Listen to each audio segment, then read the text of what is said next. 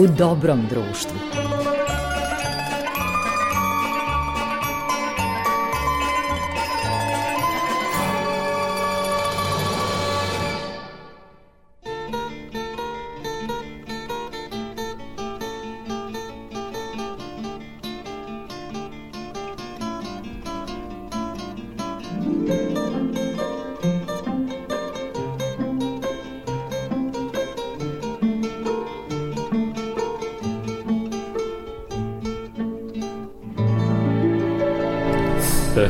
Draga Jeco, što si pristala e, i odvojila vreme za ovaj razgovor za Radio Novi Sad, za prvi program radija Radio Televizije Vojvodine i emisiju u Dobrom društvu, gde su sve sami dojeni glume i režije do sada gostovali, a evo svakako ti je mesto među njima, bez obzira na vrlo mlade godine, ali s obzirom na već značajnu biografiju.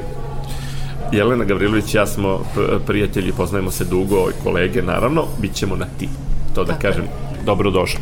Hvala, bolje te našla. Lepo nam je ovde, malo se čuje, mi smo na polju da ljudi znaju da smo ove, sedimo pored reke i onako dosta je živo. Neste neće smetati, to je taj ambijent emisije u dobrom društvu i ona podrazumeva e, da razgovor koji je sličan, jedan razgovor u kafeu, u kafani. Dobro, mi smo ovde u odličnom društvu, ove, nisam te dugo videla, nadam se da si dobro, vidim da radiš Ovaj, eto, na sve strane. Tako da uvek je lepo kada uh, svi znaju da sam ja studirala u Novom Sadu da je to moj grad i nekako uvek kada sretnem neke ljude koji me povezuju sa, sa Novim Sadom meni onako posebno mi je toplo oko srca, eto. Koliko si gostovala uopšte na radio? Voliš radio? Volim radio, kako ne, baš ovaj, često sam gosti ovde na Aksi radija i imam lepu saradnju sa Radio Beogradom, onako vrlo mi je, radio je dosta značajan, zato što je radio onaj medij, ja volim da kažem da uvek ima ono video killer radio star, ali to je kada je radio u pitanju nema prevare. kada je slika isključena onda je onda ono što čuješ mnogo važnije i e, nažalost televizija nam je donela to da nam taj vizualni nadražaj onoga prvo što vidimo upropa, zapravo uništi one prave pevače, radijske talente koje smo nekada imali. Tako da za mene je radio jedan medij definitivno koji, koji je onako kažemo teški sud za one koji ostaju. Ko preživi radio taj ostaje ti si onako prava osoba za radio s obzirom da što imaš niz uloga, pre svega serije, filma, pozorište možda nešto malo tu trpi, ali non stop si u, u zamahu, ali ne zapostavljaš i pevanje. So, zahvaljujući muzikalnosti i divnom glasu ti dosta nastupaš i sa filmskim numerama i nekako nastojaš tradiciju koleginica koje su paralelno, da tako kažem, pravile sjajne tonske zapise pesama koje treba da ostanu, kao recimo Olivera Marković, e, i mnoge druge koleginice, ne znam, od Barbara Streisand. Hvala ti na... na tu, su, tu su neke još i, i danas, Jelena Jovičić. E, Tanja Bošković. Tanja Bošković, Snežana Savić, znači mnogo koleginica je značajan, e, na muzičkom planu ostavila značajan trak. Ja bih pomenula i Dragana Lakovića, koji nije ovaj, koji je kolega, onako koji je dosta radio sa decom i ne, da ne zaboravimo i Đuzu Stojljkovića, je tako? Tako je, tako je. Velike umetnike koji nažalost nisu više sa nama, ali eto, zahvaljujući opet e, toj nekoj muzici mislim da, da će neki od njih biti upamćeniji kao pevači nego kao glumci, nažalost. Ja, Jakšić. Da. Tako je, tako je. Ja kada sam upisivala akademiju u Novom Sadu, moja profesorka Marija Simonović koja je predavala tehniku glasa mi jednom trenutku rekla Srcko, diplomirali ste, prebacite si vaše dokumenta na muzičku akademiju. Rekao profesorka, ali muzička akademija, ovo da vi ste u zgradi. Rekao, shvatila sam da je bilo popolno samoubistvo studirati, tada mi je i Agota bila asistent, njena majka Vera Vitke, mislim još uvek možda i predavala. Agota bila gošća ove emisije. Eto, pozdrav za Agotu. I rekao, sad još i da studiram dodatno pevanje, ja mislim da kući nikad ne bih došla, ali ovaj, sve nekako dođe onda u trenutku kada si spreman, meni je gluma mnogo pomogla da, da, da nekako steknem tu sigurnost na sceni. Nisam nikada bila ljubitelj pozorišta, sad znam da zvuči strašno kada to jedna glumica kaže, ja sam glumu pisala samo isključivo zbog filma, tako da pozdrav za, za sektor zvuka, ja volim sve što je vezano za film, volim, uh, volim režiju, volim produkciju, volim čak i scenske radnike, meni je to sve jako uzbudljivo i, i interesantno. Studirala sam i produkciju nakon glume, znači nisam otišla na muzičku akademiju, ali evo uzimam časove, radim sa profesorkom Manom Lačković već neko vreme na svom pevanju, jer mislim da nekako ako je Lorenz Olivije mogu da uzima časove dikcije do smrti, mogu i ja da idem na, onako, nema, ne postoje, ne postoje ni vremenska, ni prostorna ograničenja kada je dar u pitanju, tako da nikada ne znam šta ćete na kraju učiniti srećnim, srećnom. Ja sam jednostavno zadovoljna da, da, da mogu da radim i da mogu da pevam, obožavam to. Baš me jako čini srećno. Da, važno je u životu sačuvati duhovnu radoznalost i negovati svoje e, vrline, veštine i otkrivati nove sposobnosti. Pa dobro, ja e, nekada sam verovala da je to pevanje izrazi... Moj, moj nekako izrazitiji talenat i zaista moja, moja prva konekcija sa, sa nekom vrstom nastupa jeste bila, bila muzika.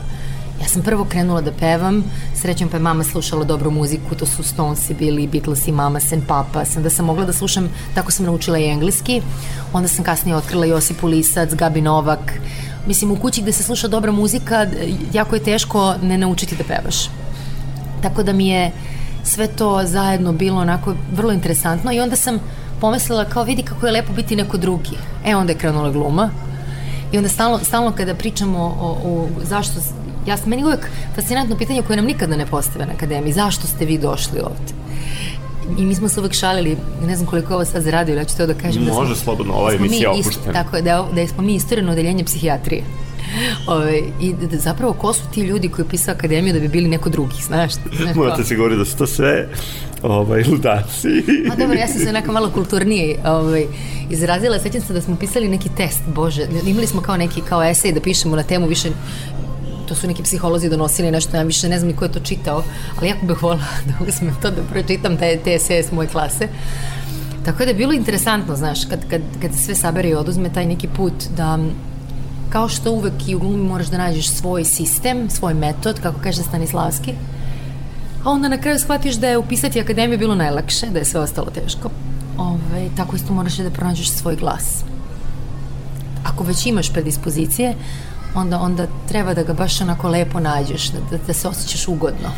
Da, od, obično čim se upiše akademija, neki kolege odmah se naprave važni, odmah već kao da imaju ozbiljne iza sebe filmografije. E, ali nismo, Novi Sad nikada nije, Novi Sad je pravio dobre glumce, znaš, Novi Jeste, Sad nije pravio zvezde. Apsolutno sam bio svedok toga da i Novi dalje Sad sam... nije pravio zvezde, Novi Sad je pravio dobre glumce. Zvezde su godinama postali oni koji su bili istrajni, uporni i ja se sećam, eto, cela jedna generacija, pa sad da se vratim unazad mnogo godina, ali eto, zahvaljujući hiperprodukciji ljudi su nekako uspeli da, da, da, da se pokažu, ali znalo se nekako da kogod se dokopa da. Somborskog pozorišta u radu sa jako dobrim rediteljima za manje od 4-5 godina oni su već dosta bolji od bilo koje beogradske klase koje ovdje I onda pređu u atelje recimo. Onda pređu u atelje, onda svi podobijaju sterine nagrade onda kad više nema nagrade koje treba da daju onda počnu da glume na filmu i kasnije pa onda Da, neki on... su otkriveni u poznim godinama kao kolega Čupić recimo Tako je, genijalan glumac koji je dobitnik serije nagrade baš za predstavu mog profesora. Ja mislim da je dobio za, za dugo putovanje u noću. Ja mislim da da. Da, tako je, tako je.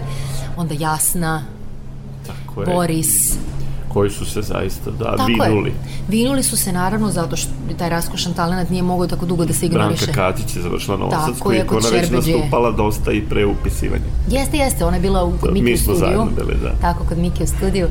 Tako da to nekako je ovaj, No dobro, gluma je kao neka vrsta hronične bolesti koja te obuzme i onda ti ne možeš više nikada da se otarasiš. Bez obzira što ponekad poželiš da budeš i neko drugi, kao na primjer producent, pevač ili da, da uvek se mi kraj vratiš glumi. Mislim i Johnny Depp je isto, ima svoj band, čovek peva, tako da i svira. Da, čovek kreativno ne miruje. Pa to je važno, da uvek imaš neku vrstu, zato što kreacija, e, vidi, e, ti, kreaci, da, mir. E, ja, ja verujem da umetnost dolazi iz apsolutnog nemira. Ja ne znam nikoga ko je iz mira nešto proizveo. Možda ako baš nije bio toliko ovaj, superiorno talentovan da je mogao tako ležerno da stvara, ali umetnici koji su svi onako, da kažemo, sa tim blagim poremećajem ličnosti su zaista, osim ako nisu, kažem, eto, nije dotakao onaj, onaj nebeski dar vrlo, vrlo neobične ličnosti. Jeste. Mi ćemo sada napraviti jedan predah uz naravno neku lepu numeru, a s obzirom da ti pevaš, ti ćeš sama izabrati koje će to numere biti.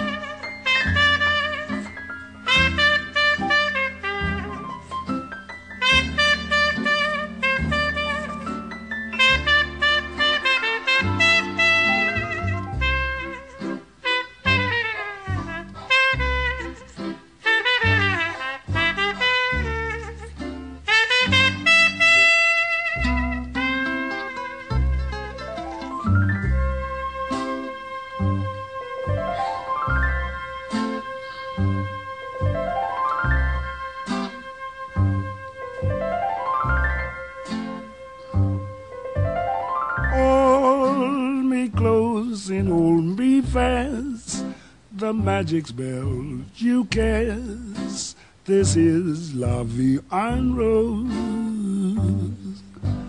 When you kiss me, heaven sighs, and though I close my eyes, I see love en Rose.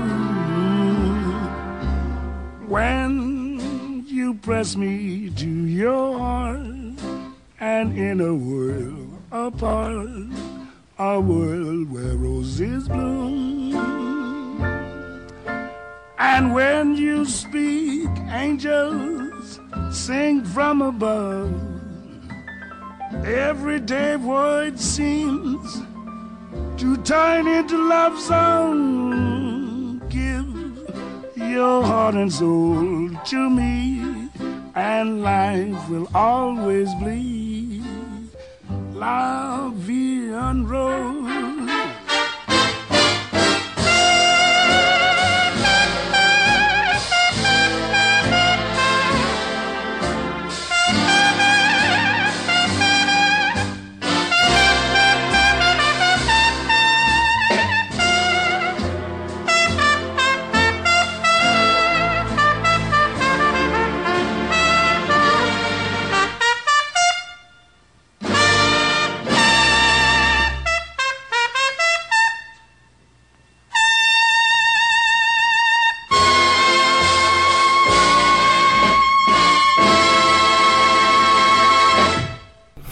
Emisija u dobrom društvu, moja gošća, Jelena Gavrilović, glumica, i zaista ako neko pravi ozbiljnu karijeru u stranim produkcijama trenutno, ja mislim da si ti tu sigurno. Na istoku ili na zapadu? Šalim se, ovaj, očekujem me sada, imala sam e, tu, znaš kako, kada dobro govoriš jezik, onda za tebe nekako nema, nema prepreke, ali eto, imala sam priliku da radim sa stranim produkcijama, što ovde, što u inostranstvu. Ono što je trenutno aktuelno jeste uh, film koji sam radila za Amazon Prime, koji evo sada je Britanski filmski institut izabrao za festival 10. oktobra premijera u Londonu, tako za to se spremam jedna vrlo neobična ekipa BAFTA nominovanih producenata, reditelja. Ne mogu sad ništa puno da otkrivam u tome, potpisala, znaš ono kad potpišeš one ugovore da ne, da ništa da kažeš. I nema slikanja na nema setu. Nema slikanja na setu, nema fotografije u kostimu i tako dalje, vrlo interesantan taj NDA. Eto, to je nešto što me raduje, zato što ja mislim da je svima nama nekako pa želja da se malo internacionalno raširimo i, i na kraju krajeva što da ne, lepo je, baš je, bilo mi je zabavno, putovala sam, snimala sam je u Beogradu, pa sam paralelno letela za Englesku da snimam taj film. Bilo je onako uzbudljivo i naporno. Tebi nekako i leže neke kostimirane uloge, neke epohije, to si e, malo iskusila i u našim produkcijama. Kako se osjećaš kao ličnost iz epohije? Pa vrlo interesantno, ovaj, ja svi znaju da ja jako volim sektor kostima. Ja kampujem u sektoru kostima. Prva stvar koju tražim da, kada se završim sa rediteljem i scenaristom jeste da vidim ko je kostimograf i da li mogu da odem tamo da vidim šta oni rade. Jer, kako kažu, o delu ne čini čoveka, a o delu i kako čini lik. Da li možeš malo da utičeš? Da, pa vidi, ja sam, ja sam stvarno jako, ovaj, ne mu kažem uticajna, nego uporna. Ove, ali zaista imala sam priliku da sarađujem sa najtalentovanijim domaćim kostimografima i, i nekako od Ivane Vasić preko Stefana Savkovića, e, Marine Medenice, to su zaista ljudi koji su, kako da kažem, Majstori svog posla. Majstori je blaga reč. Naprimjer, Ivana je za Outpost koji smo radili, koji je rađen za sci-fi, žene su danima vezle moj kostim, to je ručni rad, to je baš onako bilo ne ceo kamp, na kraju krajeva je ceo kamp gde, gde moj lik boravi sa svojom vojskom obojila u boju moje haljine.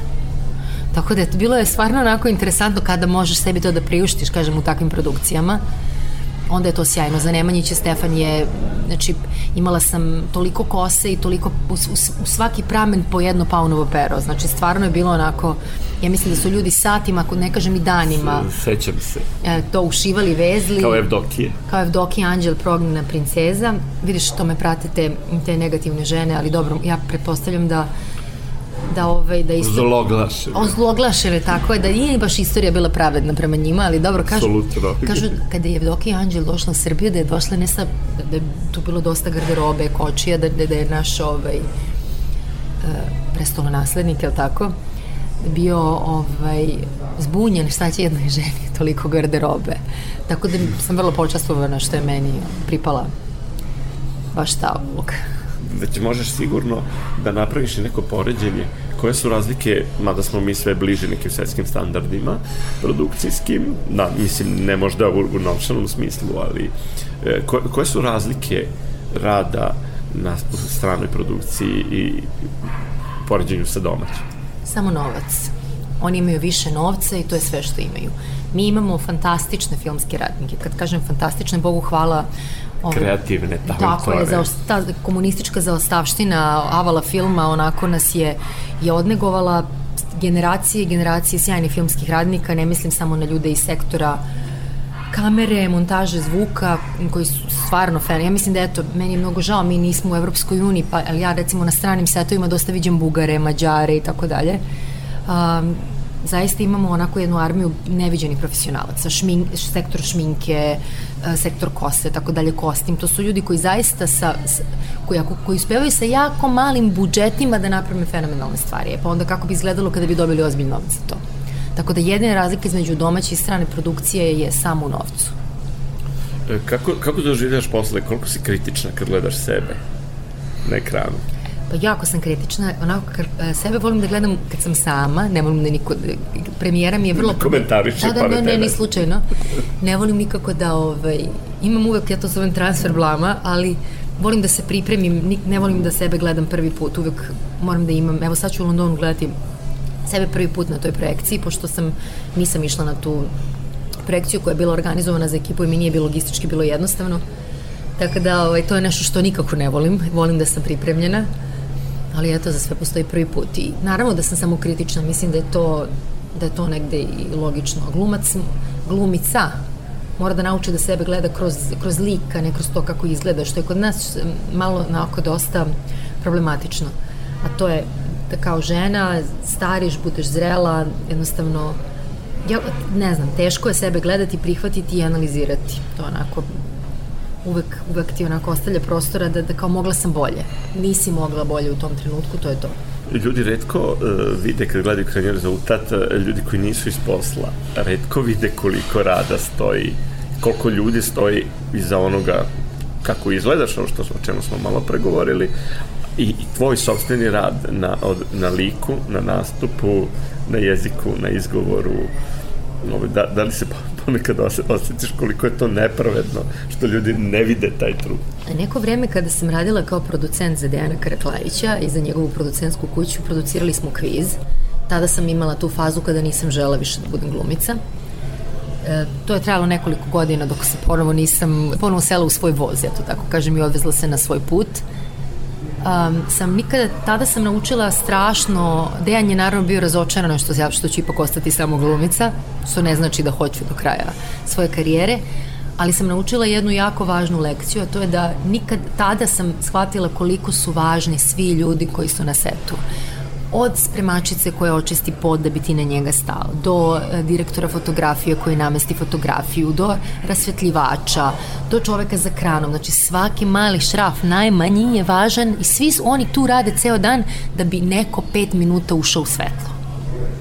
I, i, I, i posle svoje lice razvuku po velikom platnu. E, tako da nekako imam utisak da gluma je zaista gospodski posao I ja mislim da glumci često toga nisu svesni, koliko ljudi radi za njih i koliko ljudi je zapravo tu i nekako kad ne dođeš spreman i kad nisi u elementu, malo se stidiš svih tih ljudi koji dođu prvi na set u šest, pa dok postave svu tehniku. Samo da bi ti tako, eto, da li si tog dana spavao dobro ili nisi, da li si jeo, naučio tekst ili tako dalje. Treba to naučiti, ja mislim da svi ljudi koji se dugo bavim poslom su toga svesni, ali eto, meni je to bio neki highlight mog producentskog života. Kada radiš u nekim okrenjenim produkcijama, da ne kažem sa diletantskim elementima, onda shvatiš koliko ti nedostaje e, svaki taj čovek koga neki put preskoči neko zato što ne može da ga isplati i, i onda e, vidiš u stvari značaj i one žene koje će opeglati kostim i onoga ko će voditi računa e, da nešto se ne zagubi na setu.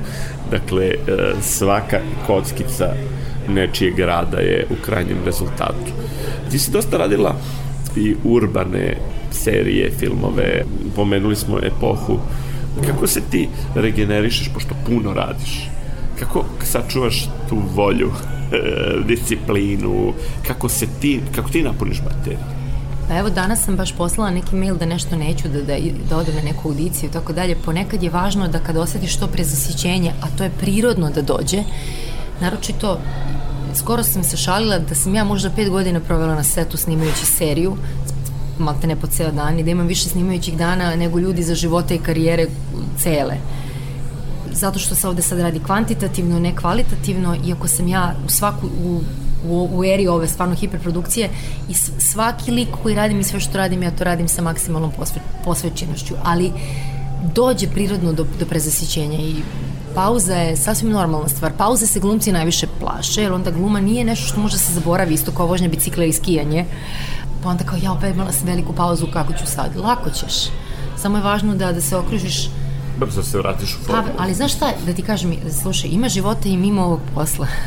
Tako je. I on postoji, stvarno ga ima. Mislim, ja sam ga videla, znam da postoji, znaš.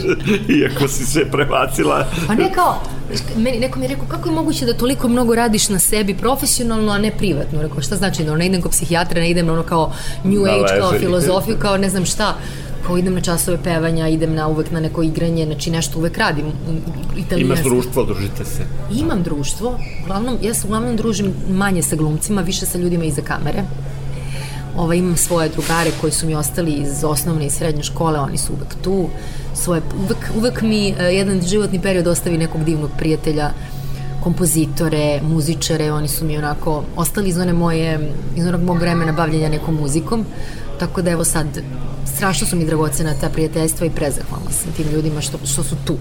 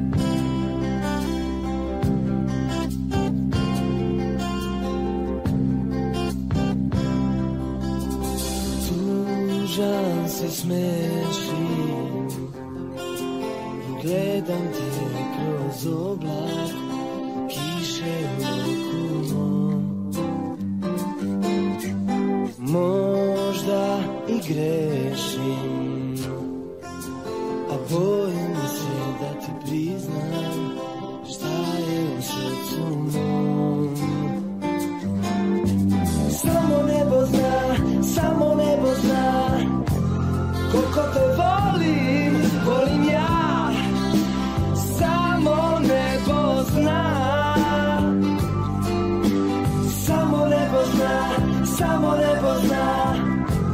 Koliko te želim, želim ja Samo nebo zna. Poludeću, poludeću Nek me ostave sad na miru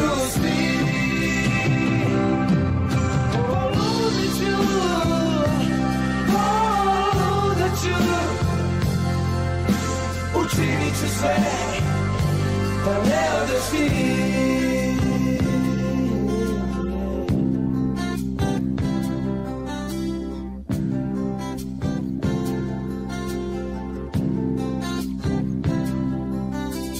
Samo nebo zna, samo nebo zna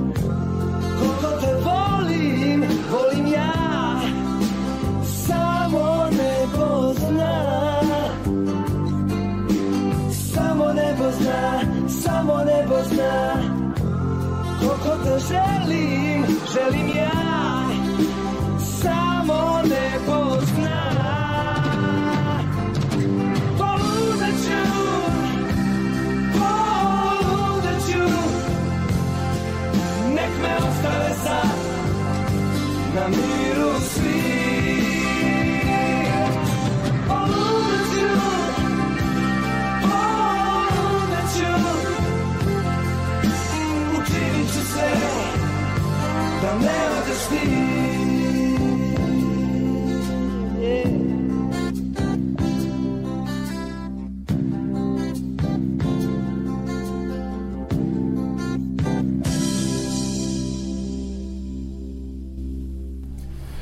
Jelena Gavrilović, gošća emisije u dobrom društvu.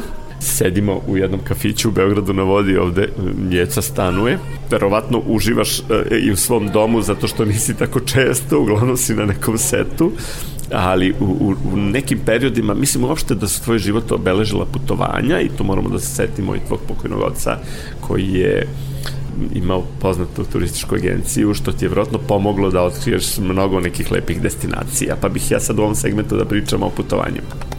Pa vidi, ja sam odrasla na putu po Evropi sa tatom po, po hotelima, ekskurzijama, lokalitetima, tako da sam ovaj, strašno, jedne godine sam ostala mesec dana u Budimpešti ovaj, sa tatom, e, smanjena mi je ocena iz Ladonja, više nisu mogli da mi opravdaju. Ali ja sećam se da je otac rekao, ali ona je naučila više za ovih mesec dana u Budimpešti neko za, kao, za, kao za dve nedelje u, u gimnaziji. Kao majka je totalno ludela od njega. A malo mađarski isto, ne? Da, imam. Ne, mađarski ja znam pomalo, kako ne. Kako divno. Pa imali smo mađarsku klasu tako da mađarski, ja, čak Agota i ja smo se šalile na akademiji, e, stalno me maltretirali, ajde kao da nešto pevam, onda ja na svom izmišljenom mađarskom čak i pogodila neke reči. Ove, tako da, e, pratit ćemo se na putovanja. Da, naravno, ovo je ovaj, mala opaska. Mala, mala opaska, ovaj, pozdrav za sve mađarske klase, koje su uvijek bile bolje od nas. Odrasla sam na putu po Evropi, svako leto sam sa tatom odlazila gde god je on bio na moru, ja budem po mesec dana, pa smo se vraćali i tako dalje. I nekako svi znaju da je on želeo da ja studiram turizam, što je meni bilo potpuno absurdno, jer zašto bi čovek studirao da putuje? Putovati možeš. I bez ovaj, toga da to radiš i da pričaš, tako da sam znala sve te priče, sve mm, ovaj, sve, što, sve što treba da se obiđe po Srbiji, Grčkoj, Italiji, ja sam to sve već davno prošla I onda kada sam došla na akademiju, onda sam shvatila koliko glumac čoveče ne može da mrdne nigde. Ti si vezan za, za, za pozorište. Pogotovo pozorište. Ma da, pa pozorište robija. Ja kao vidi ovo kao ovo nije za mene. Treba termine da Treba daš. termine da daš. Koje crne termine? Meni, ja, meni imam želju da otputujem, ja se spakujem i za 5 dana sam već na nekoj drugoj. Sloboda nema cenu. Tako je, sloboda nema cenu, tako te sam ja ostala e, slobodan umetnik već neko vreme, ne neko vreme, već koliko se bavim mojim poslom, akademiju sam upisala 2001. Znači nikad, bila sam jako kratko zaposlena, možda svega šest meseci. Onda sam shvatila da to nije za mene, da ja tu ne mogu da ovaj, ispunim i da dam svoj maksimum i dala sam otkaz. U pozorištu. U pozorištu, zato što... Zato što Ma da je sam glumcima da budu negde na plati, da bi mogli računi da se plate. Da. Pa, ja, ja znaš šta sam shvatila? Da ti kada nisi na plati, ti ćeš sigurno platiti račune zato što kada si naplati ti onda misliš da imaš neku lažnu sigurnost. Svi mi znamo da glumci nisu adekvatno plaćeni kao ni muzičari, kao ni ljudi u prosveti kao ostalo ni ljudi na televiziji ni u radiju. A misliš da si opušteniji u toj zoni komfora Tako. kao crkavica će neka kapnuti jer bar redovno. Vidi, Nećeš slušaj, juriti nikog da ti uplati. Kakva to iluzija, jel da? Yeah. A u stvari, e, tebi samo to oduzima neko kvalitetno vreme da ti moraš da juriš, jer ti moraš sebi da obezbediš posao. Tako da ovaj, sam ja eto, u tom, u tom putovanju Jurnjevi po Evropi sa ocem kog si ti imao priliku da upoznaš na Jeste, Hilandaru. Jeste, na Svete Gori, tako, tako je. je. To, mnogo mi je, to mi je jako emotivno i, i baš mi sad ovaj intervju... Čim je saznao da sam reditelj, odmah je prišao i odmah su razgovarali. Da. da, da, da. da. I tad, tad je recimo bio aktualan, mislim, Darka Bajića film ovaj...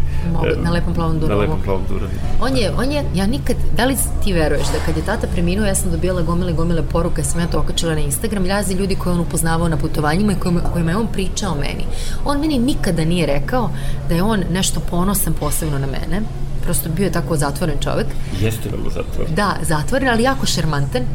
I sećam se, e, izašla je emisija Glasno 6 na, na, na K1. Aleksandra Milutinović i ja smo imale to je divna jedna emisija koja, koju ne znam zašto više ne postoji, ali evo K1 ima genijalan program.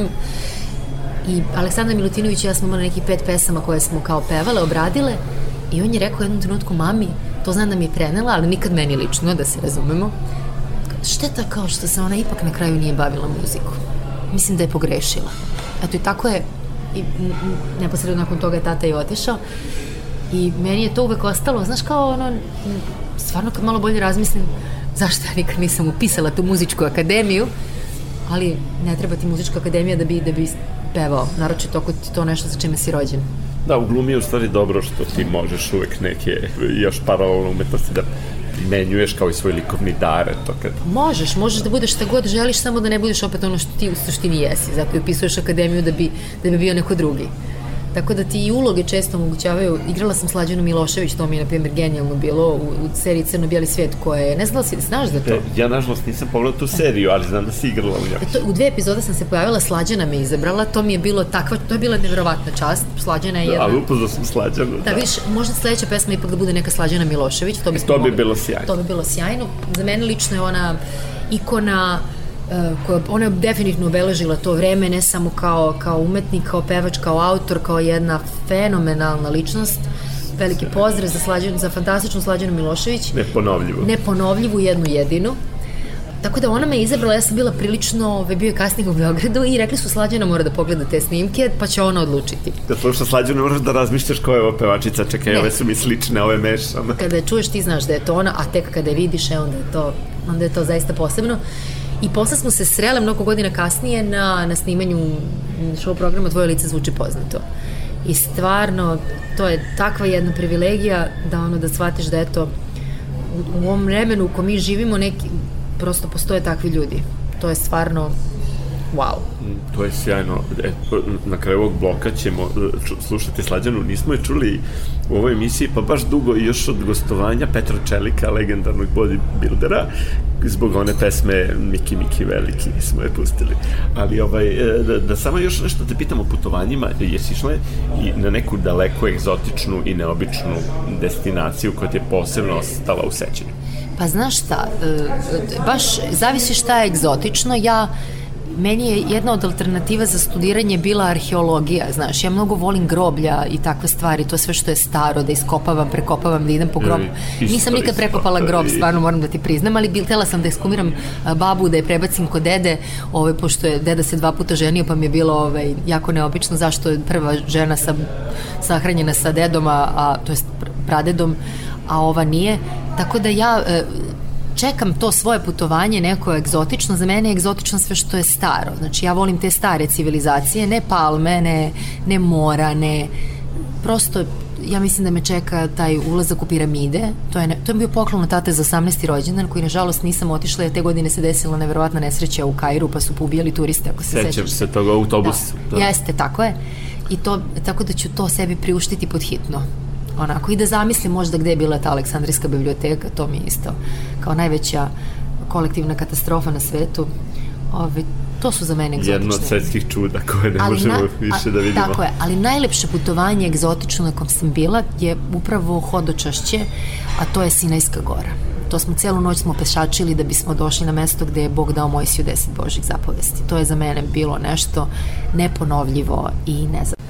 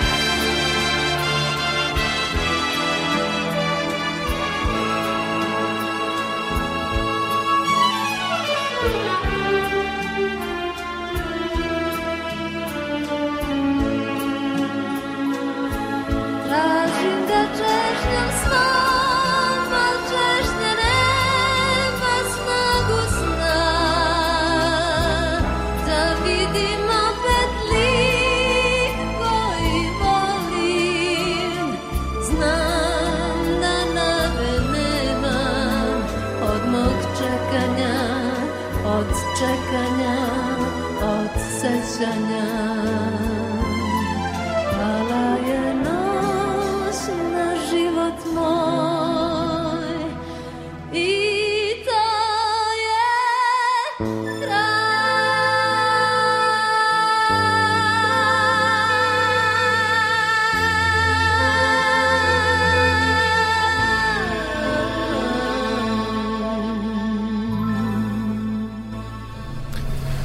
Jelena Gavrilović, eto, ostaje još jedan segment razgovora ima nekih stvari koje bi sama želela da pomeneš, da ne pričamo o planovima, ali imaš neke likove koje bi želela da odigraš, neke posebne ambicije vezano za saradnju sa strancima? Znaš kako, ja mislim da je meni sada u ovoj situaciji, kako ja volim da kažem, kada sad sam malo na pauzi, znaš, sad imam da putujem, ono što ja... Ono Premijera u Londonu. Tako je, ono što je sada aktuelno jeste počela sam sada, strašno me ljudi zovu, shvatili su da ja znam da radim i kao MC. I onda ja se stalno šalim, reko, dođem, vodim program, otpevam, ja sam rekla da li treba i kafu posle da skuvam. I onda me zovu, imam te, te takve projekte koji su mi interesantni gde, gde dosta pevam. Sad je nešto, imam aktuelnu saradnju sa italijanskim kulturnim centrom. Uh, Sanremo Giovani, znači mlada jedna ekipa, talentovana dolazi kraje meseca, to CBF organizuje saradnje sa Italijanskim kulturnim centrom, tako da ćemo, ja moderiram ceo događaj, pevam i Lena Kovačević kao jedna od mojih omiljenih jazz pevačica će takođe nastupiti, tako da to može da nam bude sledeća numera, ako tako imamo prostora. Sjajno, znači o, Lenu ćemo da, čuti, njenu najpoznatiju numeru ili Misliš kafe kafe? Da, ne, čućemo nešto sasvim drugo. Da, pošto Moju... smo kafe kafe već slušali. Dobro, dobro, to jeste, ali eto, ja, ja stvarno pratim njen rad još od vremena kada je studirala pevanje, Tako da ja mislim da je ona jedna onako vrlo autentična zvezda i zaslužuje svojim raskošnim darom da, da ono da sija ono baš, baš dugo, dugo. E, da, da se vratimo na, to je nešto što je aktuelno.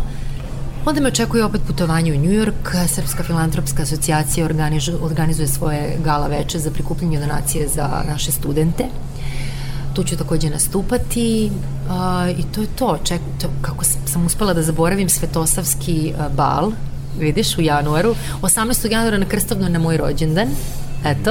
A, sjajno, sjajno, sjajno. Tako da e, nastupit ću sa, sa simfonijskim, tako da je to nešto što je onako baš baš lepo. Eto, tome se radujem. Tako da sve to muzika, a sad ono što bih volela jeste jednu lepu filmsku ulogu mislim da, da sada za, posle ovoliko dana provedenih na, set, na, na različitim setovima serija stranih domaćih ne računajući film u Londonu jedna domaća, lepa lepa ženska uloga Ato. Da, pa ja ti to od srca želim, a inače ovo, ovu emisiju će verovatno slušati slušalci kad ti se ovo lepo bude dešavalo i, ili odmah potom. Da, što se tiče filmskih uloga, kako reaguješ kada recimo projekat doživi neuspeh kao što se to desilo sa Nemanjićima. Onda dosta specifična situacija je bila oko filma, oko srpski film, da, recimo. Da. Kako to e, podnese glumac koji je deo projekta i koliko god je negde uspešna muzika ili kostim, kao što smo pominjali u Nemanjićima, projekat je doživeo debakl e, na nekom širem planu pobaška što je dosta pipavo i uvek neizvesno kada se ulazi u nacionalnu istoriju i to je uvek pod, pod posebnom lupom.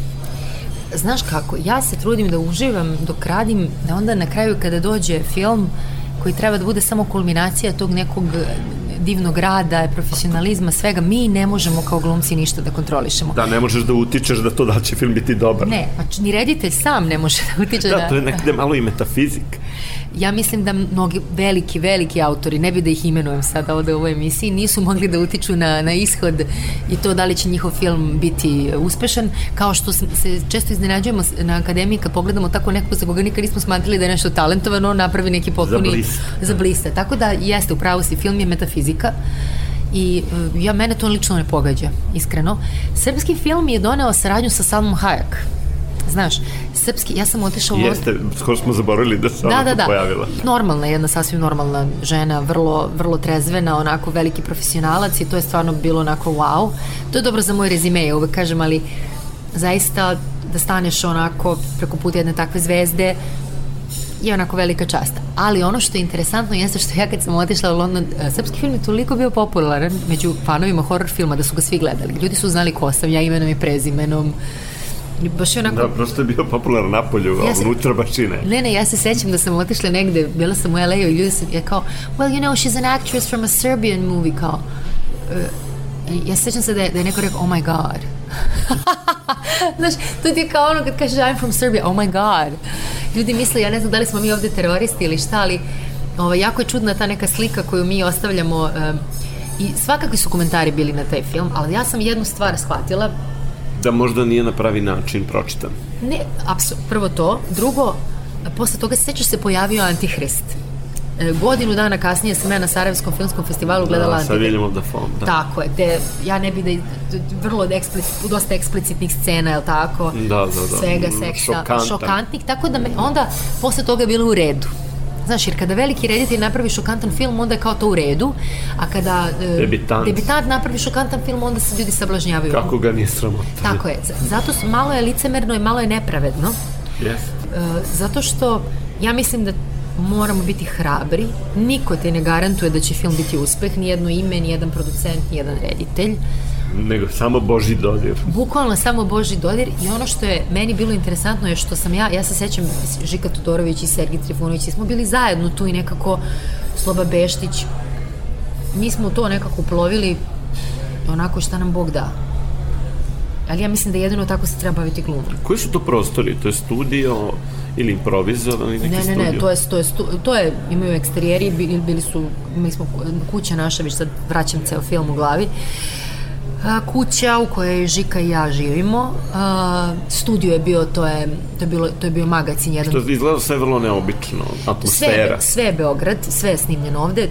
Taj naj, najbizarnija scena koju smo mi, ja sam se, sećam se, to nikad neću zaboraviti, 17 sati snimanja. To je Bili smo- kraj filma.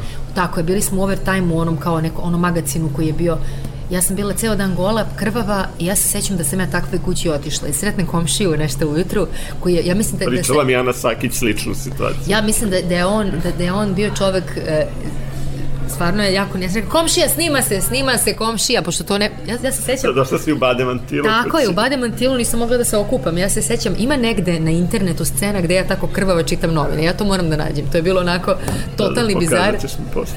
Naći ćemo to, da. Znaš, nekako meni je taj dan ću pamtiti, kao uvek ima neki dan na snimanju e, filma koji pamtiš zauvek. Taj dan ću pamtiti zauvek.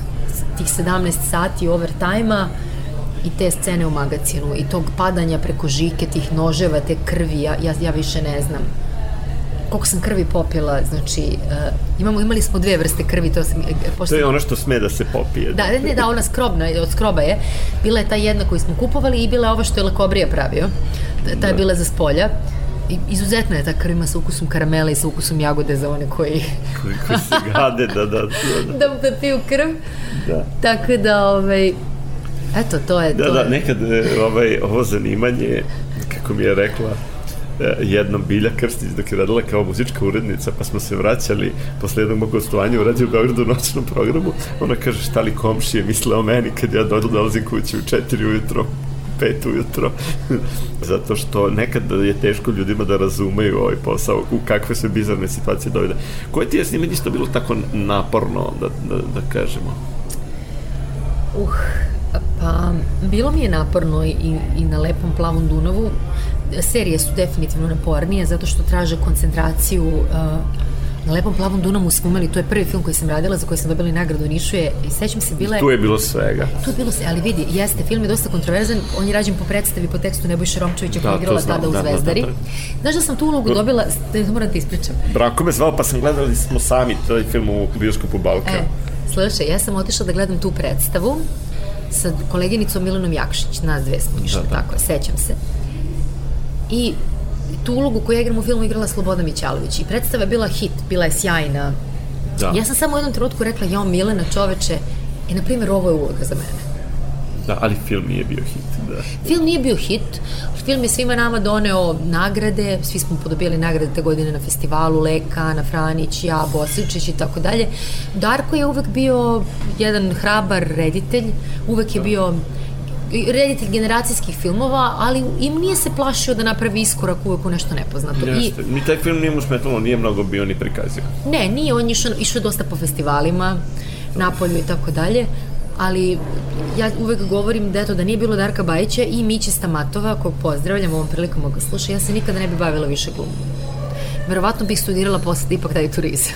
da, da, da, da. Tako da, jer kad sam, sećam se, to baš onako trivija, to pričam, ja sam stajala, to sam rekla kod Vesni Dedić u emisiji, ja sam stajala na Evo, znači mi smo sad ovde u Beogradu na vodi, znači tu malo na, gde je železnička stanica sa koferima.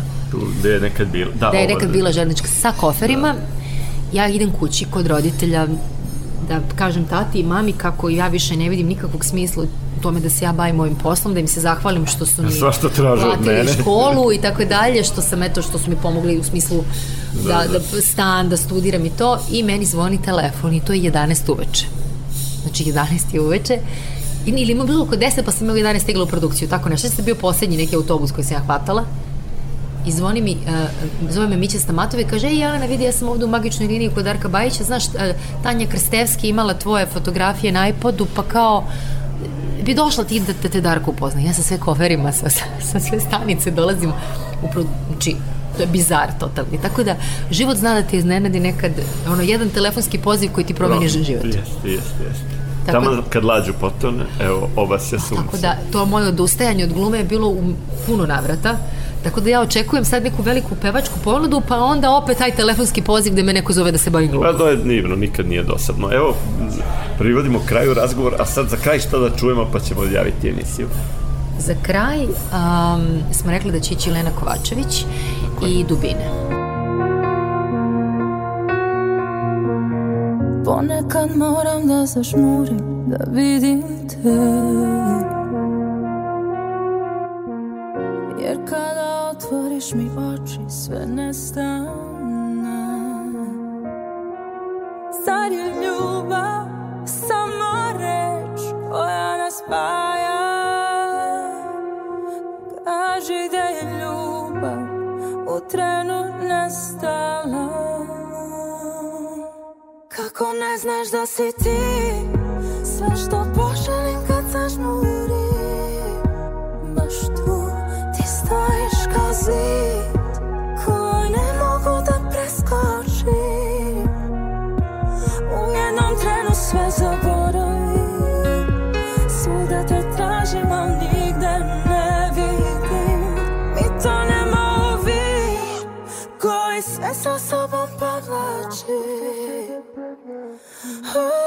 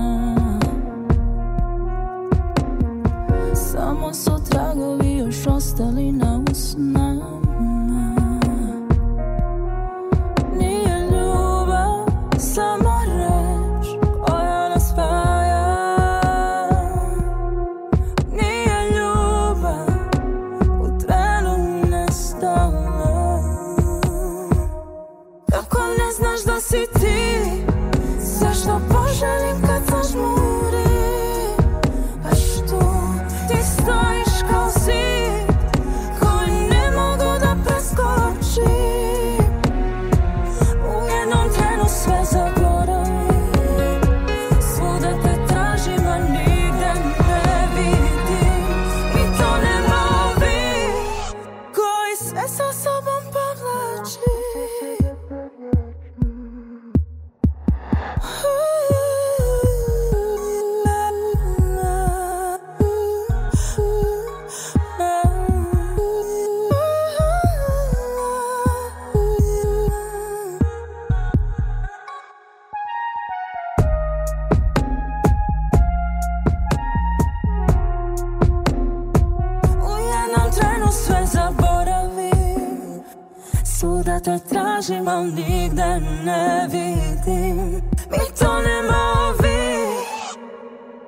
Poštovani slušalci, slušali ste emisiju Dobrom društvu. E, divna gošća ovom prilikom bila je Jelena Gavrilović.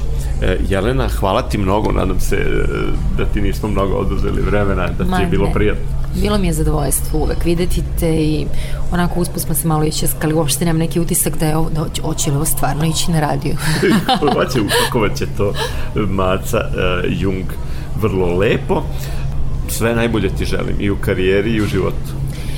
Dobro, sad ću da kažem u stilu crtača Sad je kraj, sad je kraj, ja stojim kao zore znak Bilo mi je zadovoljstvo, veliki pozdrav za sve slušalce.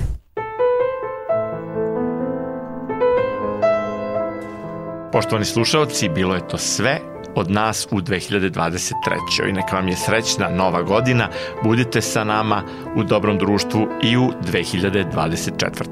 Noća sanjam te, mislim stvarno je Ruke umorne traže te A luzalud su sve, sve moje molitve. Sve što bilo je, sa mnom ostaje. Naša ljubav znam umire Alo, setim te još u vrelim noćima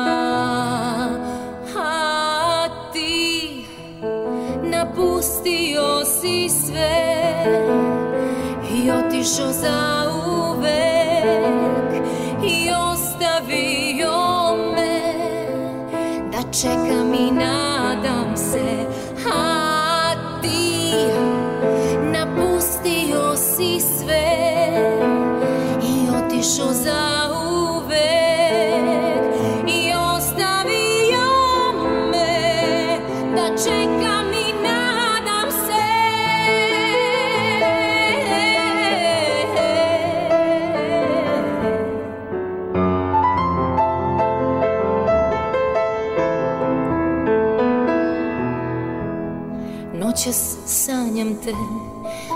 mislim stvarno je Ruke umorne traže te A luzalud su sve, sve moje molitve. Sve što bilo je, sa mnom ostaje Naša ljubav znam,